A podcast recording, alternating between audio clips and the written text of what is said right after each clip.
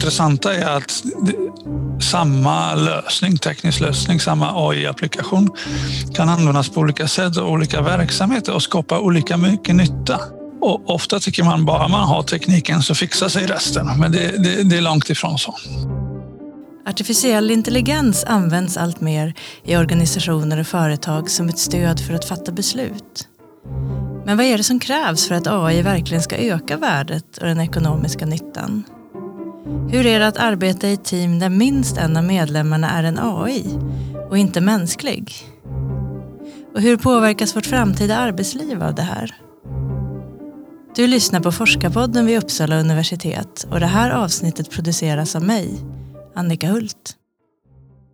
Sandra Bergman, doktorand vid eh, institutionen för informatik och media. Hej, Darek Haftor heter jag. Arbetar vid eh, institutionen för informatik och media som professor i informationssystem. Ja, och eh, ni forskar ju båda två om hur artificiell intelligens används idag för beslutsfattande i organisationer och företag och också hur det påverkar prestationerna. Vad har ni för bakgrund och hur kom det sig att ni började forska om det här? Ja, det är ju, jag har en blandad bakgrund. Eh, utbildningsmässigt en gång i tiden så studerade jag lite olika saker. Allt från teknik, matematik, statistik, mjukvaruutveckling och sen eh, ekonomi, sociologi, psykologi och filosofi. Och sen eh, så jag var ganska förvirrad i skolan kan man säga. Mm. Och sen började jag arbeta och var i verksam i industrier nästan 15 år. Och rätt mycket med att införa IT-system i olika verksamheter med syfte att stödja verksamheter, skapa nytta och värde. Eh, och sen fick jag möjlighet att komma tillbaka till universitetet och, och fundera på alla misslyckanden som jag har varit med om när, när verksamheter skaffar nya IT-system med stora ambitioner och sen blir det inte så. Frågan blir varför. Mm. Så det är min bakgrund. Då. Mm. Så mitt fokus i forskningen är att just förstå hur användningen av digital teknik kan skapa värde och vilka värden och speciellt ekonomiska värden men även andra. Vad är det för faktorer som avgör att vissa lyckas medan andra inte? Mm. Och du då Sandra, vad är din bakgrund? Eh, jo, jag är faktiskt eh, kommunikationsforskare. Eh, så att vi har lite olika ämnen eh, vi två, men de är nära besläktade också. Eh, jag har ju kommunikation i bakgrund och även kvalitetsteknik har jag forskat. Och nu har jag nyss disputerat med licentiat på Mittuniversitetet om eh, utvecklingen av ledarskapskommunikation. Eh, och så liksom Darek så har jag väldigt intresse i organisationer och utvecklingen av dem och får försöka se eh, vad det är som gör att vissa lyckas och andra inte gör det. Mm. Och eh, om vi ska börja från grunden då med det här ämnet, så vad är egentligen AI och machine learning och varför används det så mycket idag? Oj, det är stora frågor. Vi skulle kunna hålla på en ja. hel kväll och eh, om man säger vad är AI då? Eh, det finns de här allmänt vedertagna eh, definitionerna på något sätt. AI står ju för artificiell intelligens och redan där kan vi säga att det är alltså intelligens som är inte naturligt förekommande utan skapad av människan. Och intelligens är det vi intuitivt tänker på intelligenta människor. Mm. Så på något sätt eh, skapat intelligens och eh, det är alltså maskiner som kan bete sig så att vi upplever dem som intelligenta. Ja. Det, det, brukar man säga. Och sen är det inte så oproblematiskt för att när man börjar gräva i vad är egentligen intelligens? Då kan mm. man hålla på länge. Eh, traditionellt så har vi tänkt oss att det är det här rationella att kunna räkna snabbt och bra och härleda. Men forskare har senare sett att vi har eh, intelligensen mer komplex än så. Det finns olika typer av intelligens. Det kan vara musikalisk, det kan vara rumslig, konstnärlig och så vidare. och Så vidare. Eh, så att eh, det finns ingen helt konsensus kring vad intelligens är och det blir ju vanskligt då att bygga en imitation av något man inte riktigt vet vad det är. Ja, ja precis. Men eh, det, det, vi tänker oss, som vi säger, det är alltså maskiner som beter sig på ett sätt som vi upplever eh, intelligenta, då, generell definition. Mm. Vad säger du, Sandra? Ja, jag tänkte jag skulle säga vad är machine learning då? Eh, för det är ju en, en, liksom en, egen grej som man kan relatera till AI. Eh, och det handlar ju om att man har egentligen algoritmer som klarar av att lära sig själv. Eh, och det gör de genom egentligen att testa och få reda på vad det är fel eller inte. Eh, och det där är en ganska brutal process för att vad man gör är att man skickar ut de här um, eh, algoritmerna till att göra någon bedömning, till exempel kolla på en bild och identifiera vad som är på den bilden. Sedan när de kommer tillbaka med sitt svar då säger man är det här rätt eller är det fel? Eh, och är det fel då, då tar, man, då tar man bort den algoritmen och så får den som hade rätt fortsätta. Eh, och så får de göra sådär. Och allt det där he, sker liksom i ett slutet system. Eh, så att vad som händer det är att eh, algoritmerna lär sig själva vad som är rätt och fel. Så det är ingen som programmerar dem på det sättet. Så det är, man kan säga en typ av självprogrammering. Mm. Mm. Och du frågade också varför Ehm, varför finns det? Varför skaffa verksamheter AI? Och det har lite att göra med det som Sandra sa, för att grovt, grovt eh, uppskattat uppskattat beskrivet så kan man dela in AI i två typer av av angreppssätt för att skapa en intelligens. Det ena eh, som Sandra beskrev, det är det som har uppkommit nu och man brukar kalla det ibland för datadrivet eller databaserat. Att vi får väldigt mycket data, all information som det, vi kan kalla det för. Och maskinen hittar själv mönster i informationen och på så sätt eh, imiterar den. Eh, den kan, eh, den kan förstå, hitta regler, hur man ska bete sig, hur ska bilen köras, hur ska ehm, vad heter det, maten tillagas och så vidare. Men det, det, fanns ju, eh, eh, det finns ett annat sätt där vi explicit anger regler hur en maskin ska bete sig och komplexa regler. Att om vi kan säga till bilen om du kommer till en korsning röd lampa så ska du stanna och inte köra. Och, och när jag började med AI och det var början på 90-talet, så det är ett tag sedan, då, då fanns det bara så här där man, eh, AI där man gav dem regler, färdiga regler. Och det, det, var rätt jobbigt för att först så fick man ta reda på regler och det bygger på antagandet att vi, vi förstår alla våra regler varför vi beter oss som vi gör. Men det, det visar sig att det är inte så enkelt. Vi, vi gör saker och ting fast vi vet inte ens varför. Vi, och om vi vet det så kanske kan vi inte uttrycka det eller kommunicera eller vi inte ens vill göra det och så vidare. Och så vidare. Och dessutom så ändrar vi oss. Att ena dagen kan vi säga till oss själva, nej nu ska jag inte äta den här chokladen för det är inte bra för min hälsa. Och dagen efter så gör vi det. Mm -hmm. och, och det är klart, eh, när saker ändras då ska man hela tiden springa efter och programmera här roboten att bete sig på olika sätt. Och, så, så det, det, det, blev ingen riktig succé. Även om det, Nej. Eh, och så kom den här nya tekniken som Sandra berättade att låt maskinen egentligen titta hur, hur, eh, hur, hur saker och ting är utifrån att samla stora mängder data och på så sätt kunna programmera sig själv. Och det i sin tur är möjligt av, på, på grund av flera orsaker. Dels teknisk utveckling, att vi kan samla in enorma mängder data som vi inte kunde. Och det är bland annat därför att vi har de här mobila enheter som telefoner, som olika mätare i bilar och i termostater och så vidare som samlar data hela tiden på ett väldigt billigt sätt och kan snabbt förmedla inom 5G och 4G och allt det här till stora datalager som inte fanns innan. Och så har vi nya typer, ny typ av matematik och statistik som kan analysera enorma mängder data som vi inte kunde innan. Så det är de här tekniska eh, möjligheterna. Men sen drivkraften är väldigt mycket ekonomiskt nytta. För ska en verksamhet investera några miljoner i något sånt så, så gör man inte det bara för det är kul oftast utan för att man tänker sig att det skapar värde och det är där vi kommer in då. Mm. Att vi, vi undrar hur kan man få eh, AI att skapa värde? Mm. Det menas alltså vad, vad har man för nytta av mm. machine learning då? Precis, och det intressanta är att samma lösning, teknisk lösning, samma AI-applikation kan användas på olika sätt och olika verksamheter och skapa olika mycket nytta.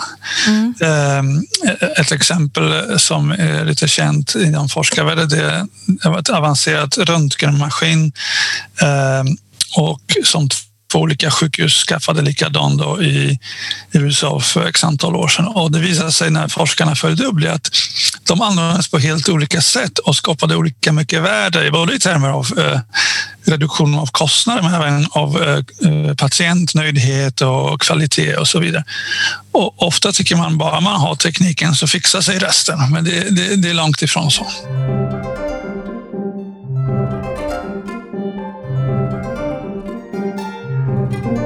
Hur är det då med AI och beslutsfattande? Har det lett till ökat värde och bättre prestationer inom företagen? Vad är det man har sett i forskningen? Ja, du kommer in på det här med beslutsfattande. Så, så en, en sak man kan säga att sådana här AI kan användas grovt räknat till två typer av situationer där vi Dels där maskinen helt automatiserar alltså och kontrollerar en situation som vi inte behöver tänka oss. Eh, nu, nu har jag precis sett att utanför Stockholm, Gustavsberg, så har ett eh, fastighetsföretag installerat maskinlärning för att förstå hur människor använder värme i sina lägenheter. Och det är olika. Och maskinen lär sig att på söndagar går man upp senare och då behöver man gå till badrummet senare och då ska golvvärmen vara på senare. Men på måndag så är man uppe tidigare och då, då, då börjar den styra själv så att den kan reducera att när vi är på dagen borta hemifrån så behöver inte värmen vara på maximalt. Och så vet den när vi ska gå upp och den ska vara bra.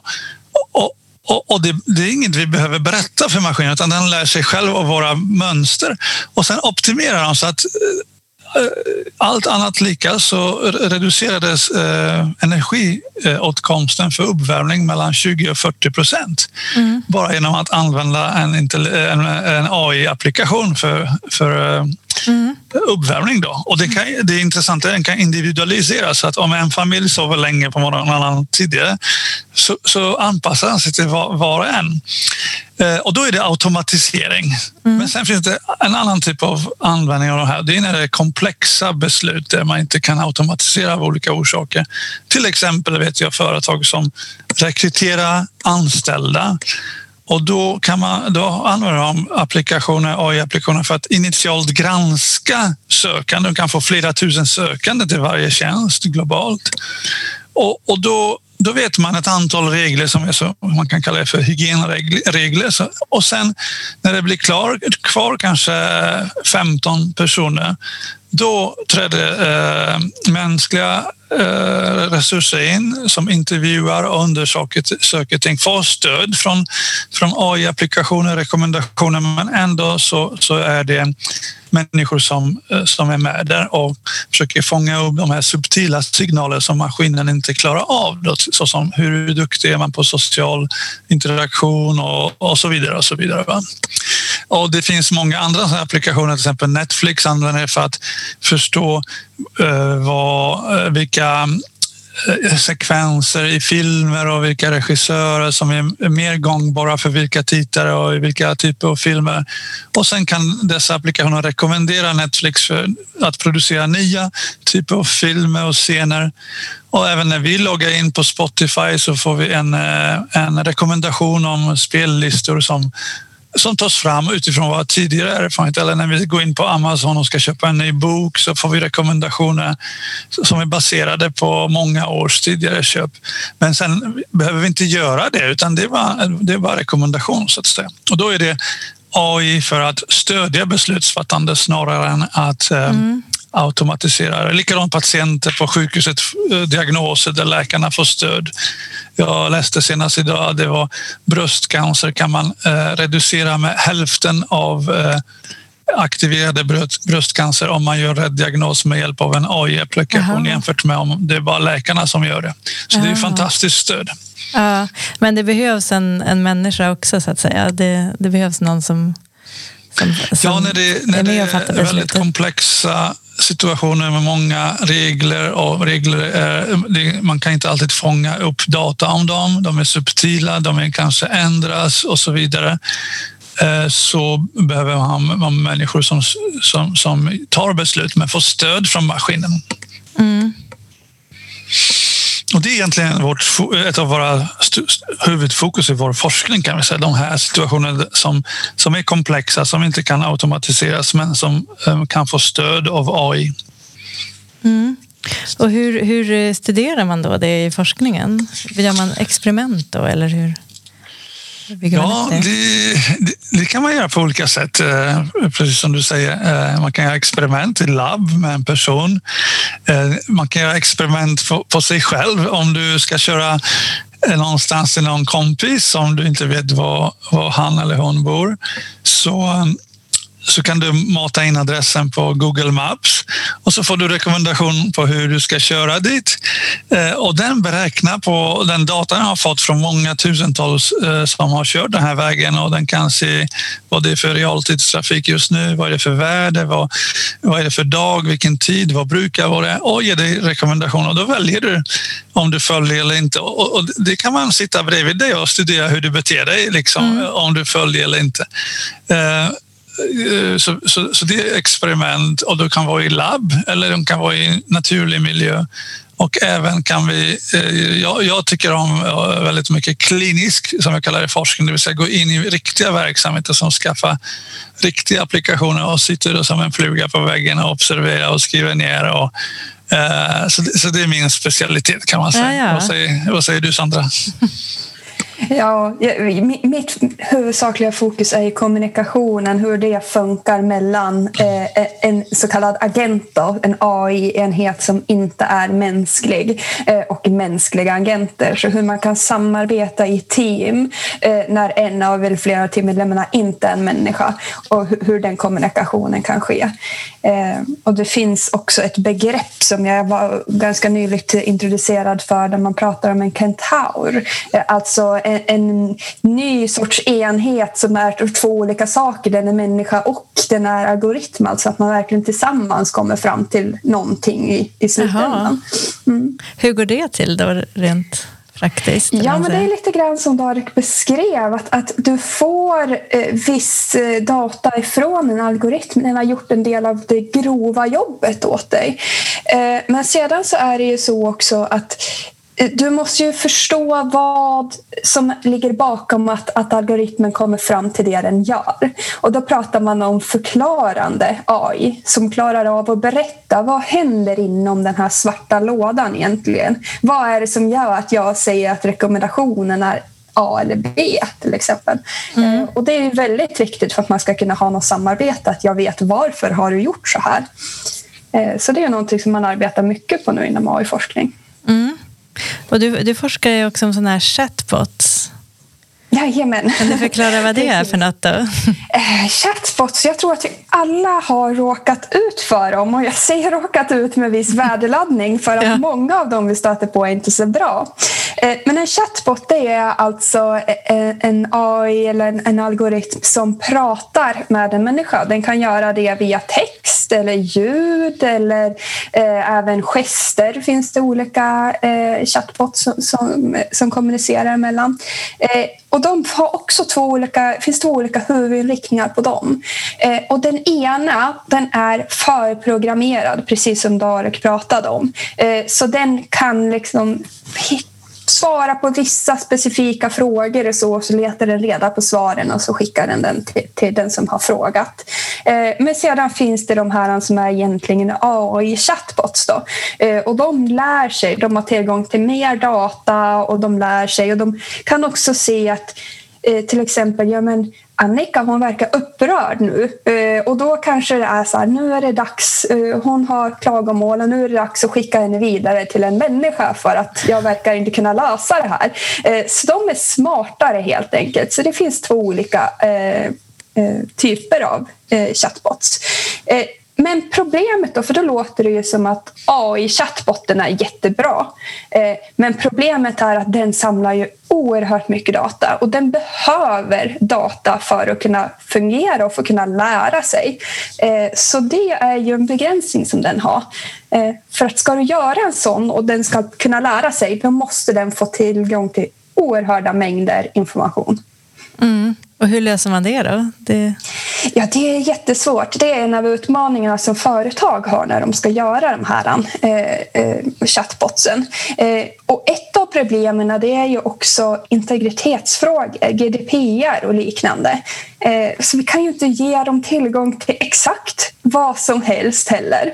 Eh, och sedan har vi ju ytterligare en aspekt och det är ju att en del data som vi skickar in beroende på vad programmeraren har valt att ge tillgång till den kan ju ha eh, viss bias. Eh, alltså att den har vissa fördomar i datan mm. eh, som då roboten lär sig av eftersom vi har sagt åt den att du ska lära dig av det här. Eh, så det kan bli fel också. Ja, jo, men det har man hört talas om, att, om sådana bottar som uttrycker lite rasistiska åsikter ibland. Ja, eller att det ja men precis. Det, det, är ju ett exempel för Microsofts uh, chatbot som de fick ta bort efter bara 16 timmar. För den mm. interagerar med folk på Twitter och där kan det ju vara lite extrema åsikter. Och när den hade hamnat i en viss bubbla då matades ju den inlärningen på mm. uh, och förstärktes. Uh, så det gick åt skogen. Alltså det finns en del problem att lösa där helt enkelt. Absolut, det gör det. Man, man kan säga att det är ju det stora begränsningen med maskininlärande att den kräver maskininlärande per definition att det, det finns förekomst av liknande situationer tidigare som man kan lära sig från något. Och det, det, finns ju mycket sånt i livet som vi gör ofta och förekomst, så det är inte så. Men, men det unika med vår mänskliga intelligens är också att vi kan göra rationella beslut över situationer vi never har upplevt och erfarit. Till exempel om du går ut i skogen och plockar svamp och så kommer en stor björn. Du, du behöver inte erfara hundra gånger den dödar dig hundra gånger för att dra, dra fram reglerna att det inte är bra att, att, att vara nära björn, utan du kommer förmodligen vända och springa därifrån ändå, fast du har aldrig upplevt det. Och det, det, det kan inte en maskin göra. Den måste ha äh, fått information om många förekomster av liknande situationer och hitta ett mönster, ett beteendemönster.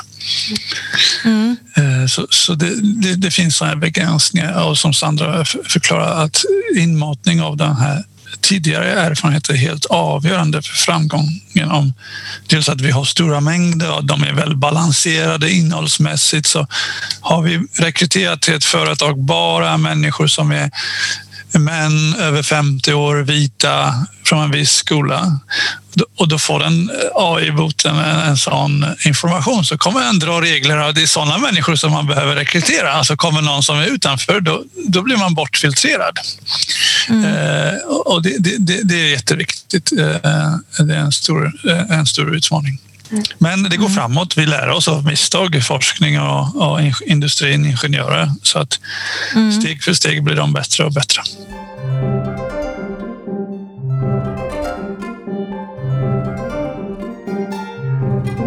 Och jag tycker att eh, bilden av AI den brukar pendla ganska mycket mellan att vara kanske överdrivet positiv, att AI ska lösa alla möjliga problem i samhället och att vara väldigt negativ, till exempel att det kommer att leda till en stor brist på arbetstillfällen i framtiden.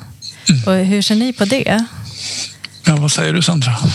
Ja, det här är ju såklart eh, av väldigt eh, stort intresse för mig i och med att jag ska se hur AI kan samarbeta med människor och då vill man inte samarbeta med någon som man tror ska stjäla jobbet för en.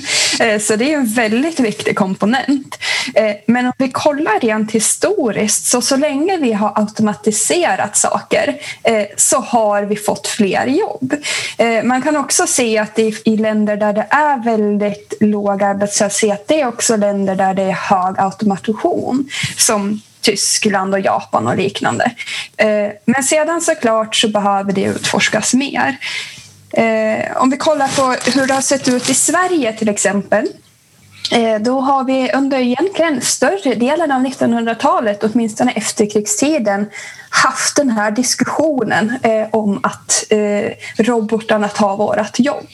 Eh, och under 1900-talet så har ganska många utredningar gjorts eh, av automation. Eh, och det är fackförbund och det är även myndigheter som har gjort de här utredningarna. Eh, och hittills har man kommit fram till att det här har varit positivt för arbetarna. Eh, det har lett till att repetitiva moment som är slitsamma för kroppen har försvunnit. Eh, man hade en ganska stor oro av att arbetet skulle bli tråkigt för att du skulle behöva göra eh, lite mer samma sak jämfört med vad det gjort tidigare eftersom maskiner har gått in och tagit över lite av de andra uppgifterna. Eh, och det i sin tur ledde egentligen till att vi fick lagar om att vi måste ha visst mycket paus eh, under vår arbetsdag och så vidare. Eh, så så länge vi, vi håller ett öga på utvecklingen så tror jag att utvecklingen kommer att vara positiv. Mm. Eh, och så sedan så är det ju såklart att eh, nu pratar man lite grann om en no-touch system, alltså ett system som inte behöver människan överhuvudtaget, att den kan göra saker helt utan input. Eh, och vi är långt ifrån där än, eh, men det är det många eh, större företag jobbar emot såklart. Mm. Men då är det ju så att det här handlar om att ersätta arbetsuppgifter som vi gör med vårt sinne och tidigare har arbet eh, ersatt eh, arbetsuppgifter som vi har gjort med vår kropp. Eh, så egentligen så är det fortfarande en fråga om automation och ta saker som är repetitiva och lyfta bort dem från vårt arbete så att vi kan göra andra saker. Så förhoppningsvis så kommer det att fortsätta att gå i samma utveckling, nämligen att mer automation, mer jobb. Ja, ja. Fast en, an, en annan typ av jobb då kanske? Eller att, att jobbet förändras? Vi måste ju vara ganska... Man pratar ju ofta om livslångt lärande, att vi måste vara hyfsat flexibla människor och utveckla oss och utveckla oss i vår yrkesjobb jobb, eh, under hela eh, vår livstid egentligen. Ja, men det, det är ju eh, som Sandra säger att maskinen är skapade av människan som ett verktyg i våra tillvaro, både hammare eller något annat. Och vi, när, när vi gör studier vetenskapligt sett så kan vi liksom dokumentera vad en maskin kan eh, användas till och inte på ett bra, eh, effektivt sätt, ändamålsenligt och, och så vidare. Så det är mer vetenskapligt. Men sen Sen vad vi vill med maskinerna, det är mer en värderingsmässigt och politisk eh, beslut. Inget som vetenskapsmän har något mer att säga till än någon, någon annan eh, i vardagen. Mm. Vill vi städa golvet? Vill vi göra det här och det här eller vill vi inte det? Vilket får mig tänka på grekernas gamla ideal där i gamla Grekland skulle fria civiliserade människor inte arbeta utan mm. läsa poesi, litteratur och sporta medan slavarna arbetade. Och våra slavar kanske blir maskiner idag ja, och vi blir fria och kan ägna oss åt högre ändamål här i livet. Vad vet jag? Mm. Det, det, alla, alla kan besluta, det är mer en värderingsfråga. Ja, precis. Och eh, finns det några andra etiska utmaningar så där med den här nya tekniken? Det finns ganska många eh, etiska utmaningar eh, och faktiskt så är det så att de här etiska utmaningarna, det stora problemet är att vi kan ju inte förutspå vad som kan bli problem. Det är väldigt svårt. Men ett av problemen som finns nu som, som från industrins håll eh, det är att vi har ganska få lagar gällande AI. Vi har inte så många regleringar om vad man får och inte får göra. Eh, och det är en av sakerna som faktiskt hindrar utveckling av AI just nu därför att företag vill ju givetvis inte lägga ner tid och energi på att utveckla någonting som de sedan inte får använda. Eh, så det är ganska, det är många branschorganisationer som skapar egna etiska lagar och regler. Eh, och så har vi såklart EU gjorde i början av året så släppte de en white paper eller en vitbok eh, med lite regler och riktlinjer. Eh, men då är det ju fortfarande inte lagar och det är ingenting som gäller eh, riktigt än. Så. Mm. Ja, det, det är komplext för att om vi tar sådana situationer att det finns nu AI-applikationer som som eh, kan ge oss juridiska tjänster, enkla juridiska. Och då, då blir ju som frågan, eh, ska vi förbjuda dem för att vem, vem ansvarar om beslut om eh, rådgivningen är fel? Till exempel vårdnadshavande över barn eller det kan vara enklare grejer för att göra det mindre dramatiskt, p-bot eller något sånt. Vem ska ansvara för det? Är det den som anlitar det och inte förstår sig på det eller den som har producerat den, den som äger etc. Det är å ena sidan. Men å andra sidan är det ju fantastiska möjligheter för väldigt många människor har inte finansiella möjligheter att anlita en jurist som kostar enorma pengar och plötsligt skulle eh, många människor kunna få juridiskt stöd och rättssäkerheten skulle kunna öka i samhället. Så, så de här övervägandena med för och nackdelar som finns, det här med olika nyttor och värden som hela tiden är så komplexa och när det gäller lagstiftning så, så, så, så, brukar det vara så att det är först när det har gått åt skogen några gånger som lagstiftarna reagerar och försöker förbjuda något som inte mm. har fungerat. Det är sällan de är proaktiva så att säga, utan reagerar på att ta bort det som man inte önskar. Tyvärr kanske. Mm. Och ni har ju båda fått forskningsanslag från universitetets nya satsning på forskning om AI. AI mm. for Research här vid Uppsala universitet. Och där samlas ju forskare från alla olika vetenskapsområden. Hur tycker ja. ni att det är att tillhöra en sån här forskningsmiljö? Ja, det, det, det är något fantastiskt. Det, det är som du sa att eh, universitetet har fått donation från Beijerstiftelsen om att göra en satsning på AI och det som är lite unikt i Sverige med Uppsala universitet är att vi har så många olika discipliner jämfört med mer nischade skolor som säg andra duktiga skolor. Jag, har, jag disputerade en gång på Chalmers tekniska högskola. Då, då är det smalt och djupt och, och det är jättebra på många sätt. Men eh, vid Uppsala så har vi så många discipliner och fakulteter. Det är allt från teologi, juridik, medicin, naturvetenskap, eh, teknik, samhällsvetenskap, humaniora och alla de eh, fakulteter har många, många discipliner. Och eh, intelligens är ju multidimensionell, så ska man förstå dess utveckling så behöver man ha olika perspektiv på det.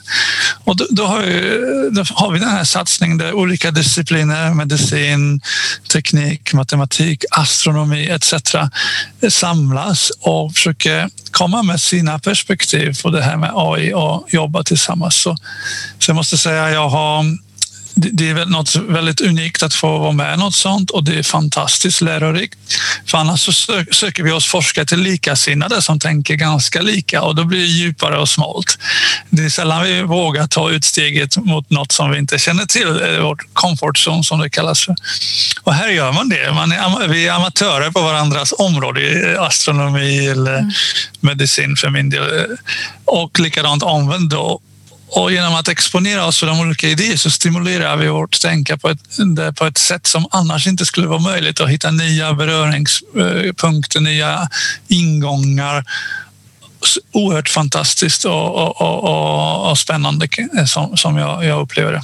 Så då kan det leda till nya forskningsidéer kanske? Ja, verkligen. Nya frågor, nya angreppssätt och förhoppningsvis nya kunskapsbidrag. Mm. Och vill du säga något om det också Sandra? Eller hur du, Nej, vad du jag, hoppas för? Jag vill bara säga att det är en ganska fantastisk miljö. För mycket av AI-forskningen som har skett hittills det har varit den tekniska utvecklingen. Eh, det är alltså olika datavetenskaper som har fokuserat på det här. Eh, och nu har man ju breddat det och medicinforskning är ju väldigt stor nu med det här eh, nya forskningscentret.